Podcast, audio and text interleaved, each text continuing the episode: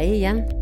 Dette er podkasten Kreti og Pleti fra Løvens hule, der jeg, Tone Løve, som vanlig snakker om kan være om, mest om coaching, litt om ledelse, og mye av det er jo mentaltrening. Og det gjør jeg som oftest helt alene med meg sjøl.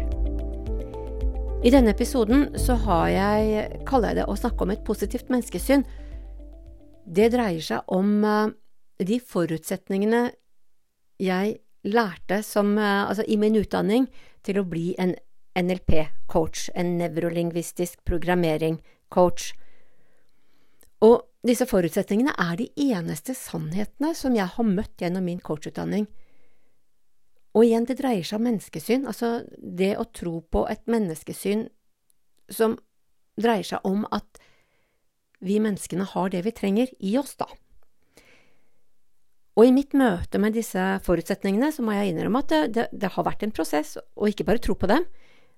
Fordi at vi skal ikke bare tro på dem, men de skal integreres, de skal være sannheter som sitter i ryggmargen.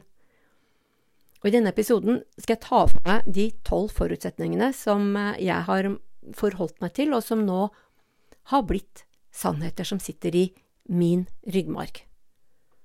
For har, har, du egentlig tenkt over det, at ditt menneskesyn jo er grunnlaget for hvordan du ser på verden og dine medmennesker? Og når du har et positivt menneskesyn, så er det også mye lettere å være raus og vennlig, både overfor deg sjøl og også overfor dine omgivelser. Dersom du tror det verste om mennesker, da, da kan du ofte oppleve at du får rett. Og det samme gjelder jo faktisk om du tror det beste om dine medmennesker. Altså, uansett om du tror det verste eller beste, så vil du oppleve at du tar feil innimellom, uansett hva du tror. Og så tenker jeg at det likevel også da er triveligere å tro det beste om mine medmennesker, og så får jeg meg inn på trynet innimellom, men det skal ikke ødelegge for mitt positive menneskesyn. Jeg velger å tro det beste. Jeg velger å være naiv om man vil sette et navn med litt negativ lading på det. Det har jeg jobba for, og jeg tenker hvis jeg skulle snudd og begynt å bli mer negativt innstilt til menneskene, så ville på en måte den negative vinne, og det skal det jammen ikke få lov til. Og som coach så er det også en forutsetning å tro på mennesker. Og igjen, i denne nevrolingvistiske programmeringa som er min utdanning, så er jo det også noe av det aller, aller første vi begynner med. Første dagen på studiet så kommer vi innom disse forutsetningene, og vi jobber med det stadig vekk. Og som sagt, det er det eneste jeg har lært at er en sannhet som gjelder alle. For bortsett fra disse forutsetningene, så har jeg hele tida forholdt meg til hva som er riktig for meg, og hva som er sant for meg og ikke. Så nå, vet du, kan vi lure på hva er det nå disse forutsetningene dreier seg om, og hvorfor er det så viktig at det er sannheter som sitter i denne ryggmargen vår? Og det er tolv av dem, og den første lyder sånn. Det er lettere å forandre hvordan du forholder seg til virkeligheten enn å forandre virkeligheten. Og hva menes med dette? Jo, nå skal du høre. altså, vi er mange som ønsker å forandre virkeligheten. For kan, altså, virkeligheten kan være krevende å leve i. Og for å starte i det ekstremt dagligdagse, da, så kjenner jeg for det er akkurat nå, litt frustrert når jeg tar en titt på værmeldinga. For det hender værmeldinga, altså værvirkeligheten, kan være lite grann ubehagelig. Sånn som det er nå. Ikke sant? Når jeg spiller inn denne podkasten, så nærmer det seg mai, vi er i slutten av april, og jeg ønsker meg solrike dager med temperaturer som viser minst to siffer. Men nei, her er det til og med blå tall og snø. Og jeg som vil ha dager der det er deilig å jobbe litt ute. Men det er ikke det. Jeg skulle så inderlig gjerne ha endra på været, og jeg kjenner at det er litt maktesløst at jeg ikke kan det. For jeg kan ikke det. Liksom, været er som det er, og så kan jeg enten innstille meg på at det er sånn, og, og enten kle på meg godt og gå ut, eller bruke tida på noe innendørs, eller jeg kan bruke tida på å irritere meg og forbanne dette været, som ikke er spesielt behagelig i lengden. Det gir meg lite av verdi, egentlig, litt, litt lite konstruktivt. Og dette var jo et innmari enkelt eksempel. Men være, et annet eksempel kan være at du øh, kanskje har blitt en del av en konflikt. Det kan være misnøye på jobben, enten at du er misfornøyd med en medarbeider eller kollega, eller at noen er misfornøyd med deg. Og da kan ønsket om å stikke huet i sanda være stor, late som det ikke er et problem. Du kan ønske deg en annen virkelighet, men det vil ikke hjelpe deg noe som helst. Når du i stedet forholder deg til virkeligheten, at denne konflikten er der, da kan du gjøre noe med den.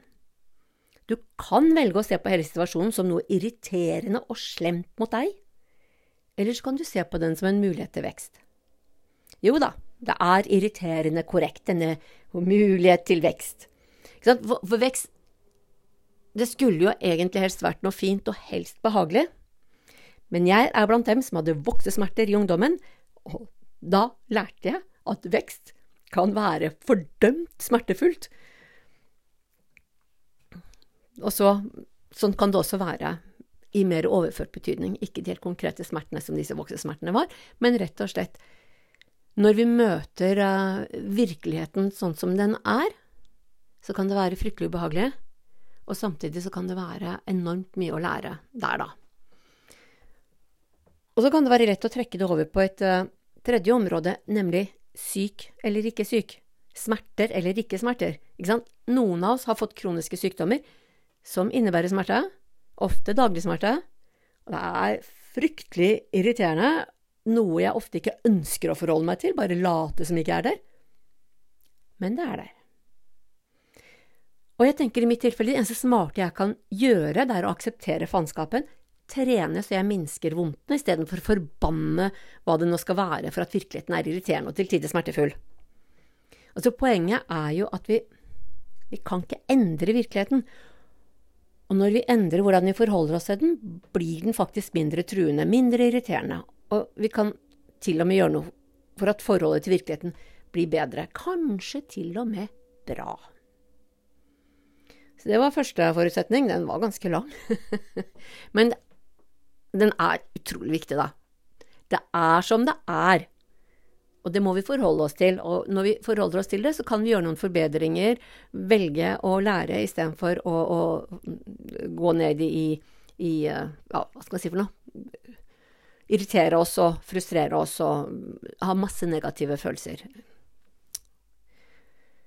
Så har vi toeren. Betydningen av din kommunikasjon viser seg i den respons du får høres uh, litt uh, flott ut, litt svulstig, men altså, dette her er egentlig ganske morsomt. Men krevende, den også, selvsagt. Det, denne forutsetningen gir deg ansvaret for hva og hvordan du kommuniserer. Det er ditt ansvar å nå fram til den du kommuniserer med. Igjen. Det kan være fryktelig irriterende. Jeg synes at jeg er så klar og tydelig, det er ikke mulig å misforstå. Likevel så når jeg ikke fram. Ikke Likevel så den jeg snakker med, forstår ikke hva jeg mener. Og jeg kan selvfølgelig tenke at den andre personen er en dust og en idiot, men det hjelper ikke. Det er faktisk mitt ansvar å ta det på dytt, finne en annen måte, si det på en måte som mottaker forstår. Og en annen ting kan være at jeg innimellom sier noe i beste mening som blir tatt imot som en fornærmelse. Og det er ikke spesielt hyggelig. Og så kan vi tenke at det får være måte på til å være hårsåla, lettkrenka. Og så kan vi velge om vi vil krenke eller ikke krenke. Og respons, responsen vi får, det, det avgjør om vi treffer eller ikke. Jeg må bare innrømme at jeg kommuniserer forskjellig, det gjør vi alle. Jeg kommuniserer veldig forskjellig om jeg henvender meg til et barn eller til en voksen. Da er det veldig naturlig, faller oss veldig lett og naturlig, å endre kommunikasjonen.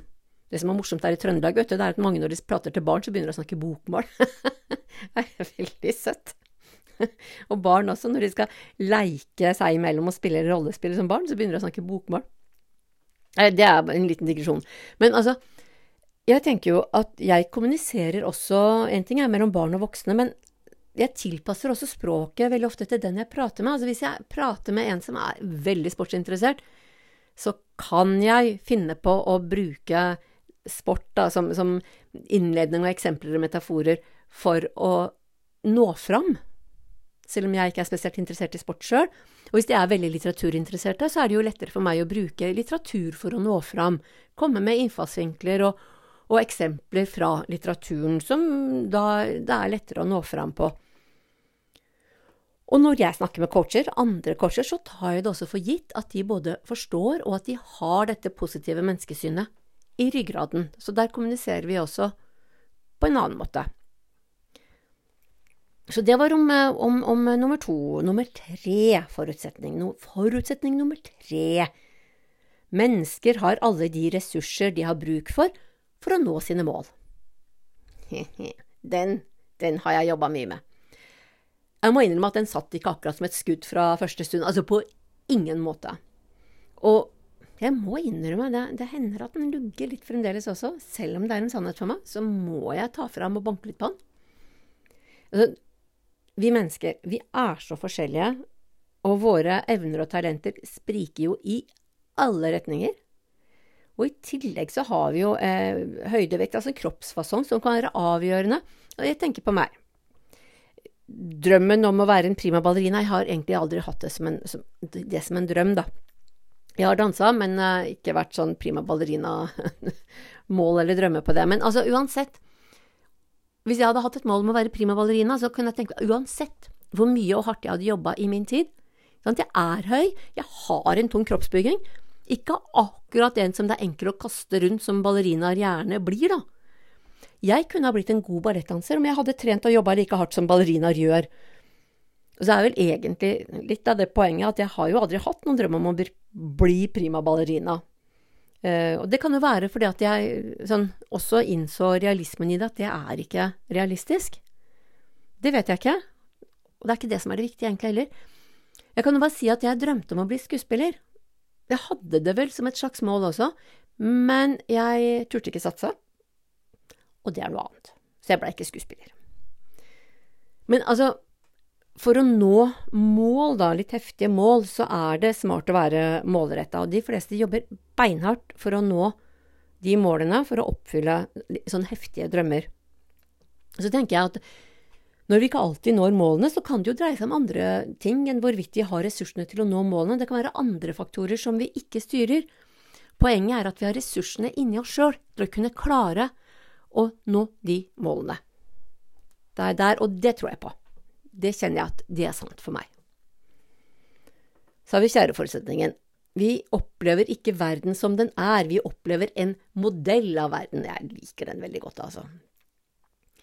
For sannheten har mange ansikter, og det husker jeg. Det var ei venninne av meg som sa med et liksom, litt sånn defensivt glimt i øyet da hun ble konfrontert med, jeg vil si, et alt annet enn flotterende bilde av seg sjøl.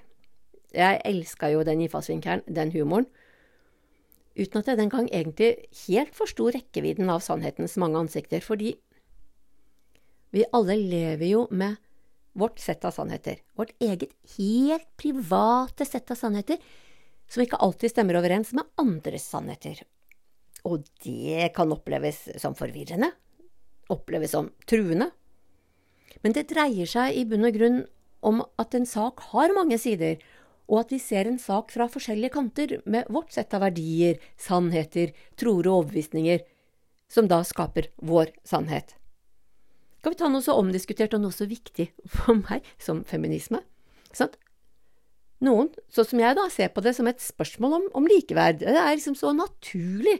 Jeg skjønner ikke at feminisme kan være noe å bråke om. Det er liksom, sånn er det bare. Og jeg syns jo det er rart at folk ikke alle er Jeg syns egentlig det er rart at ikke alle er feminister, for det er min sannhet at andre ser på det som mammahat.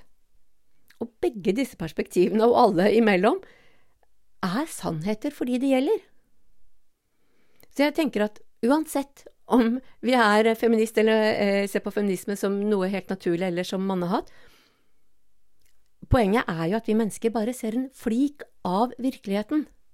Hvis du ser hele virkeligheten he som, som, noe stort, så klarer vi alle å bare håndtere og se en liten flik av denne virkeligheten.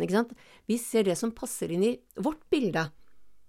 Av, av, altså vårt bilde og vår modell, det, som er danna av det livet vi har levd, våre erfaringer. Med andre ord vår modell av verden. Og så kan vi jo tenke at det er berikende å møte andre perspektiver og andre sannheter, ikke sant, om vi velger den tilnærminga. Som altså, jeg skjønner jo ikke hvordan andre mennesker kan se på feminisme som mannehat. Jeg skjønner det ikke. Og så har jeg en mulighet Jeg kan velge å være nysgjerrig på hva som har skapt denne, denne sannheten om at feminisme er mannhat. Eller så kan jeg velge å tenke at de bare er dumme og uvitende. Og så er det mitt valg å kjenne etter for eksempel hva er det som vil berike mitt liv mest? Og tenke på at de er dumme og uvitende, eller være nysgjerrig på deres tilnærming til, til virkeligheten. Jeg vil gjerne være nysgjerrig. Jeg klarer det ikke hver dag. Det er noe jeg jobber med. Men jeg vil være nysgjerrig, da. Og så er det forutsetning nummer fem. Det finnes en positiv hensikt bak enhver atferd.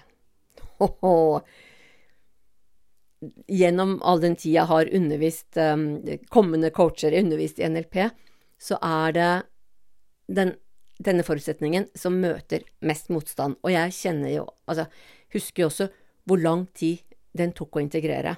Denne lugger ikke lenger. Den her er, har jeg omfavna så helt og fullt. Men den måtte vokse seg til. Og jeg trengte å høre mange versjoner av hva, og mange tilnærminger av hva som gjorde den sann, for jeg klarte å ta den inn. Og som jeg sa, nå er den en selvfølge. Altså, det jeg husker, det som var viktig for meg å høre, det som, altså, som knakk denne koden, var rett og slett at den positive hensikten dreide seg om der og da. For akkurat den personen sånne ting som konsekvenser eller rett og galt i samfunnets øyne, andres øyne, det er ikke noe faktor. Det er rett og slett bare hva er det som er positivt i dette øyeblikket for akkurat den personen. Så jeg kan ta et veldig grelt eksempel. Denne massemorderen som sitter innesperra nå, på ubestemt tid, heldigvis, barnemorderen, barnemassemorderen. Hans positive hensikt dreier seg jo om hans, etter min mening, svært forkvakla syn på medmennesker, da. Han ser på multikulturalismen, altså denne blandingen av mennesker og kulturer, da, som en stor fare. Liksom at, norske, at, altså at, det typisk norske skal forsvinne. Det, det ariske, for å bruke en terminologi som han sannsynligvis vil kjenne igjen, og som han kanskje til og med setter pris på. Jeg tror at han i egne øyne har ofra seg sjøl, gjort seg sjøl til en slags frelserfigur som skulle redde Norge fra multikulturalismen, og han gjorde det ved å angripe morgendagens Altså de som ville blitt voksne i morgen, forsvarer av et multikulturelt samfunn, altså AUF. Og der synes jeg ikke altså, Så for han hadde det en positiv hensikt, selv om det for, om ikke alle, men de aller, aller, aller, aller, aller fleste av oss, så var det han gjorde, så grusomt. Så, så, den er, eh, tenker jeg, den er, eh, det er for den personen det gjelder, akkurat der og da. Det kan jo være et annet, et litt mindre grelt eksempel, et hverdagseksempel. Det er, kan være når noen gjør noe ufint mot deg. Altså, det kan være et angrep på hvem du er som person, din faglighet, det kan være angrep på dine nærmeste. Og jeg tenker da, nå, i, i uh, forhold til før. At formålet for angrep ikke nødvendigvis er å være ufin mot deg, eller meg når det skjer med meg, for det skjer innimellom, dessverre. Men altså, da tenker jeg at dette gjør de i et forsvar av seg sjøl på en eller annen måte. Et angrep på din faglighet kan være en måte å hevde seg sjøl, forsvare sin egen faglighet. Et angrep på deg som person kan dreie seg om at din atferd har trigga noe ubehagelig som ligger hos dem sjøl.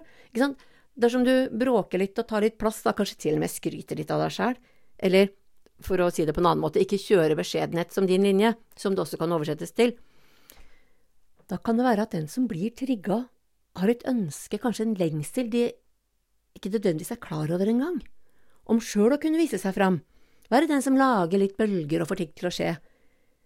Og når du eller andre gjør det, så kan det oppleves som fryktelig ubehagelig, nesten som et angrep på dem sjøl, da. Og da kan det være lett for dem å reagere ved å angripe deg og din atferd. Det kan skape det, det, altså Din atferd kan da skape ubehageligheter for, for uh, noen andre. Og selv om de angriper, så er ikke nødvendigvis det at det er ubehagelig, eller at det egentlig ligger hos dem som ligger fremst i pannebrasken hos dem akkurat der og da. Det er bare at de handler på noe som har en positiv hensikt for dem i det øyeblikket. Det kan være at du trenger litt mer tid på denne, men når den er integrert, så syns jeg den, altså den har blitt mye lettere å håndtere. Og det er mye greiere å håndtere ufin atferd fra andre. For jeg skjønner nå, og jeg, jeg tror på det, det er en sannhet for meg, at det egentlig ikke dreier seg om meg. Jeg blir bare sånn utilsikta skade, eller collateral damage, som det heter eh, så flott på English. Og når jeg er litt sånn utilsikta skade, så syns jeg det er mye lettere å håndtere. Så smak på den, du. Den sjette forutsetningen, det er uh, Oi, litt tungvint og dels uforståelig språk på denne, men jeg tar den, jeg. Tilbakemeldinger versus feiltagelser. Altså, all resultat og all atferd er prestasjoner, enten de er ønska mål i en gitt situasjon eller ikke. Og jeg tenker at det, det i bunn og grunn dreier seg om at du kan velge om du ser på negative erfaringer som feil eller læring. Jeg syns fremdeles ikke det er gøy å gjøre feil, ikke få til ting. Jeg, jeg, vil få til ting med en gang. Og når jeg da ikke gjør det, så trenger jeg litt oppmuntrende snakk, da jeg helst fra meg sjøl, gjerne fra omgivelsene også, gjøre, som gjør at det blir lettere å snakke pent med meg sjøl, da. Men jeg trenger påminning hele veien om at dette kan jeg lære av, fordi det er alltid noe å lære hvis vi velger å ha den innstillinga. Så det er rett og slett All erfaring er læring om du velger det.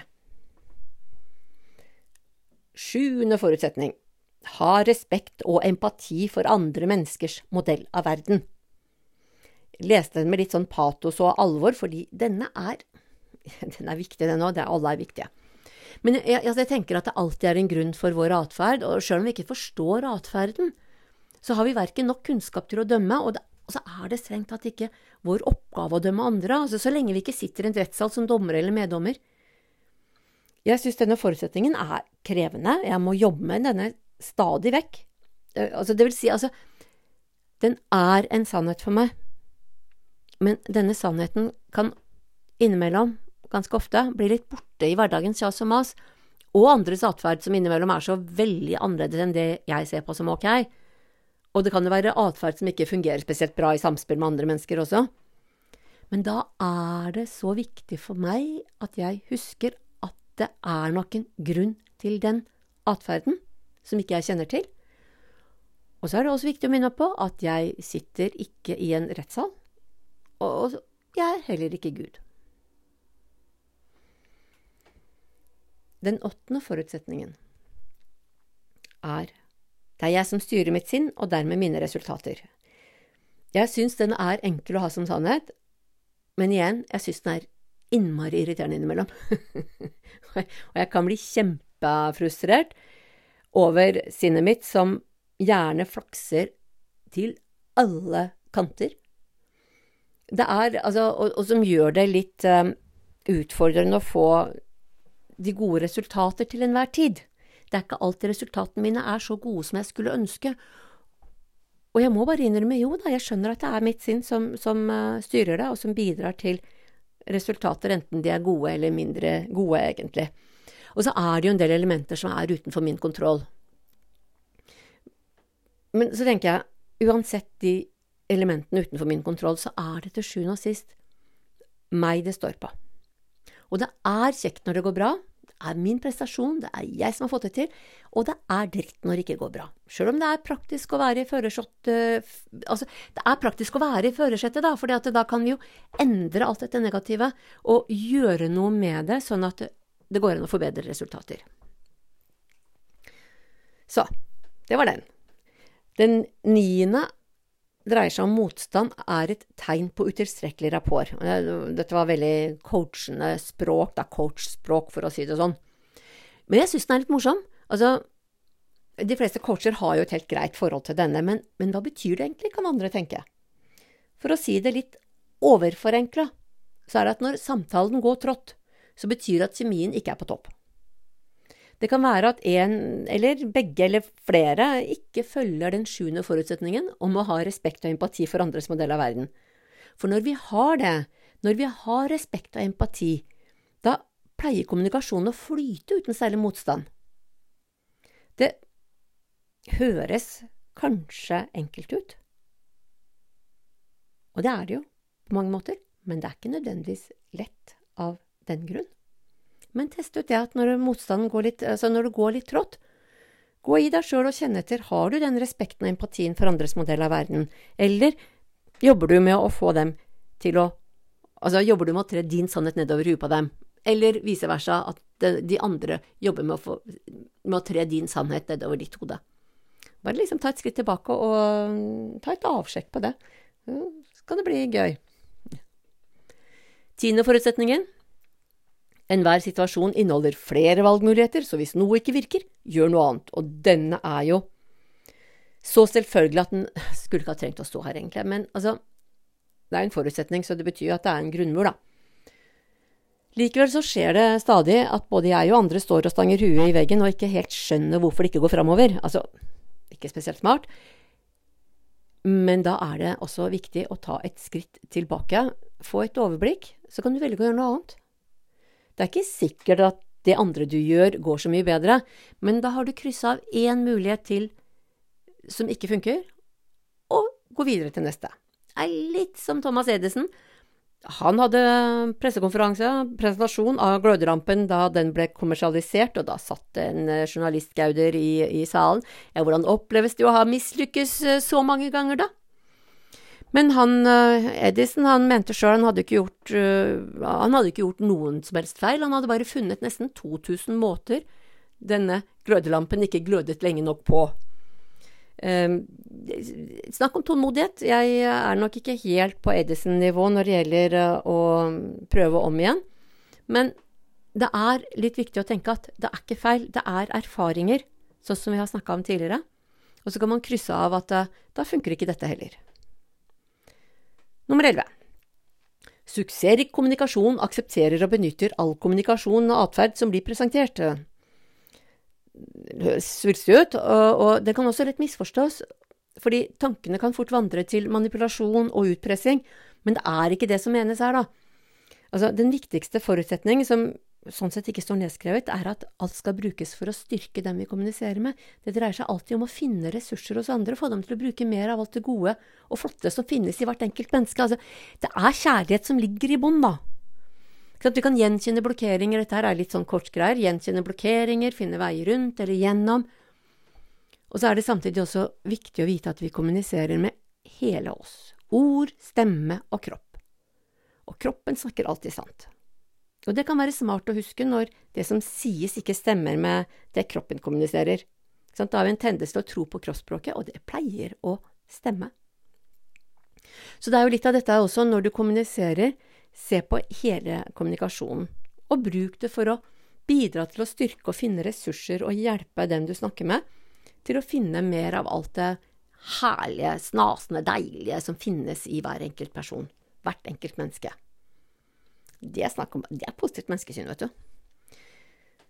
Og den siste og tolvte er øh, det at den positive verdien til enkeltmennesket er konstant, mens verdien av intern og eller ekstern atferd kan betviles.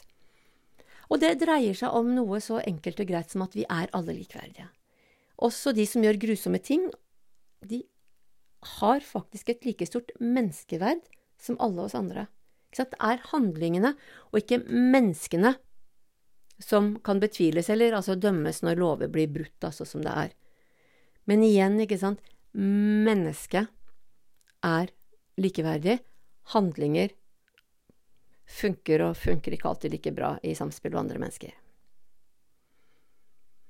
Og dette er de tolv forutsetningene som de fleste NLP-coacher, fleste NLP-er i det hele tatt, navigerer etter og som jeg tenker det dreier seg jo rett og slett om å ha et positivt menneskesyn, det å tro på mennesket. Tro på evner, verdiene, altså verdien deres. Jeg må innrømme at jeg har brukt litt tid på at dette, alt dette, har blitt sannheter for meg. Men det er det nå. De sitter i ryggmargen. Og sånn jeg tenker på det, så kjenner jeg jo også at de tilfører livet mitt mye verdi. Jeg syns de er gode å navigere etter. Jeg har fått renskap en del slagg som jeg hadde, hvor jeg kunne være mer negativ i mitt menneskesyn, da. Jeg har aldri vært supernegativ, men uh, kanskje vært litt kjapp til å dømme, og jeg faller jo stadig i fella. Men mitt menneskesyn har blitt mer positivt, jeg har blitt rausere, jeg jobber med å være ikke-dømmende, og disse forutsetningene hjelper meg til å leve sånn. Og så har jeg også røpa hvilke forutsetninger jeg kanskje hadde mest utfordringer med å ta til meg, som jeg måtte bruke litt tid på å gjøre til sannheter. Og jeg vil gjerne høre fra deg, da. Hvilke syns du er mest krevende å tro på og ha som sannheter? Så er det bare å si på gjenhør.